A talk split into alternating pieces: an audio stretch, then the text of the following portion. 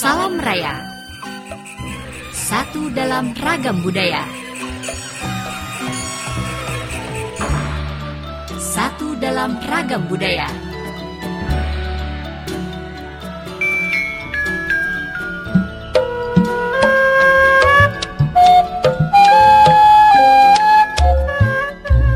Sahabat edukasi, selamat berjumpa kembali dalam audio pembelajaran budaya yang dikembangkan oleh Pustekom Kementerian Pendidikan dan Kebudayaan. Kita akan menjelajah budaya Nusantara dari timur sampai barat Indonesia. Kali ini kita akan berkunjung ke Pulantara, bangunan bertingkat pertama Kerajaan Cirebon di Kompleks Keraton Kanoman, Cirebon, Jawa Barat. Dalam topik Sejarah Pulantara. Selamat mendengarkan. Sahabat edukasi, Pulantara adalah salah satu situs budaya yang sudah dibangun sejak tahun 1600 Masehi. Tidak lama setelah berdirinya Keraton Kanoman. Dulunya bangunan ini digunakan sebagai tempat tinggal putri-putri sultan.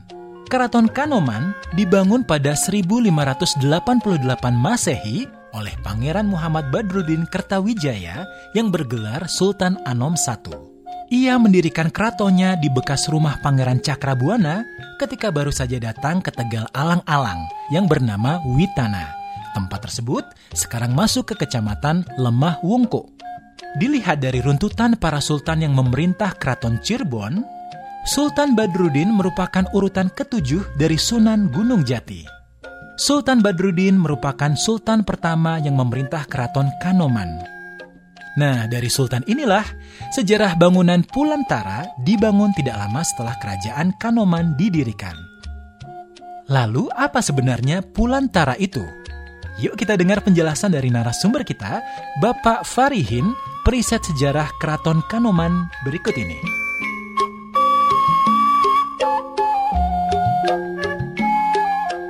Jadi Pulantara itu dulunya tempat pertemuan agung di era apa namanya Sunan Gunung Jati dan Pangeran Cakra.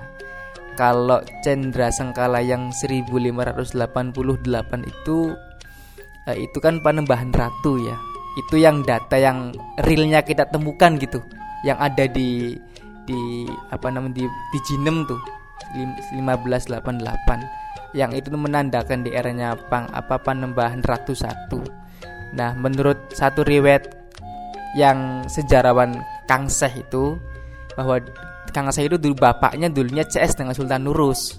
Nah, Sultan Nurus itu banyak bercerita kepada bapaknya beliau bahwa dulu di situ itu namanya Balai Rangkang.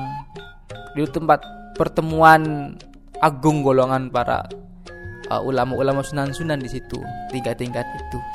Nah, itu ya musyawarah musyawarah apa di di balai rangkang itu.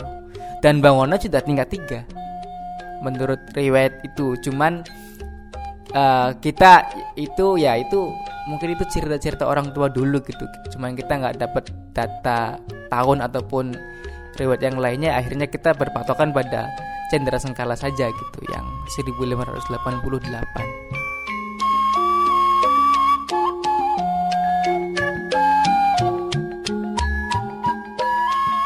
Sahabat edukasi, Gedung Pulantara pada awalnya dibangun dan difungsikan sebagai tempat tinggal bagi putra dan putri Sultan Kerajaan Kanoman. Namun sejak bangunan Kaputren didirikan oleh Sultan Kanoman yang ketiga, yaitu Sultan Alimuddin, bangunan Pulantara tidak lagi difungsikan sebagai tempat tinggal putra-putri Sultan. Sejak saat itu, Pulantara menjadi tempat tinggal para kesatria. Kemudian pada masa Sultan Zulkarnain sekitar abad ke-19, bangunan ini difungsikan menjadi tempat penyimpanan benda-benda pusaka untuk upacara maulid. Nah, sahabat edukasi, demikian tadi audio pembelajaran budaya tentang sejarah Pulantara.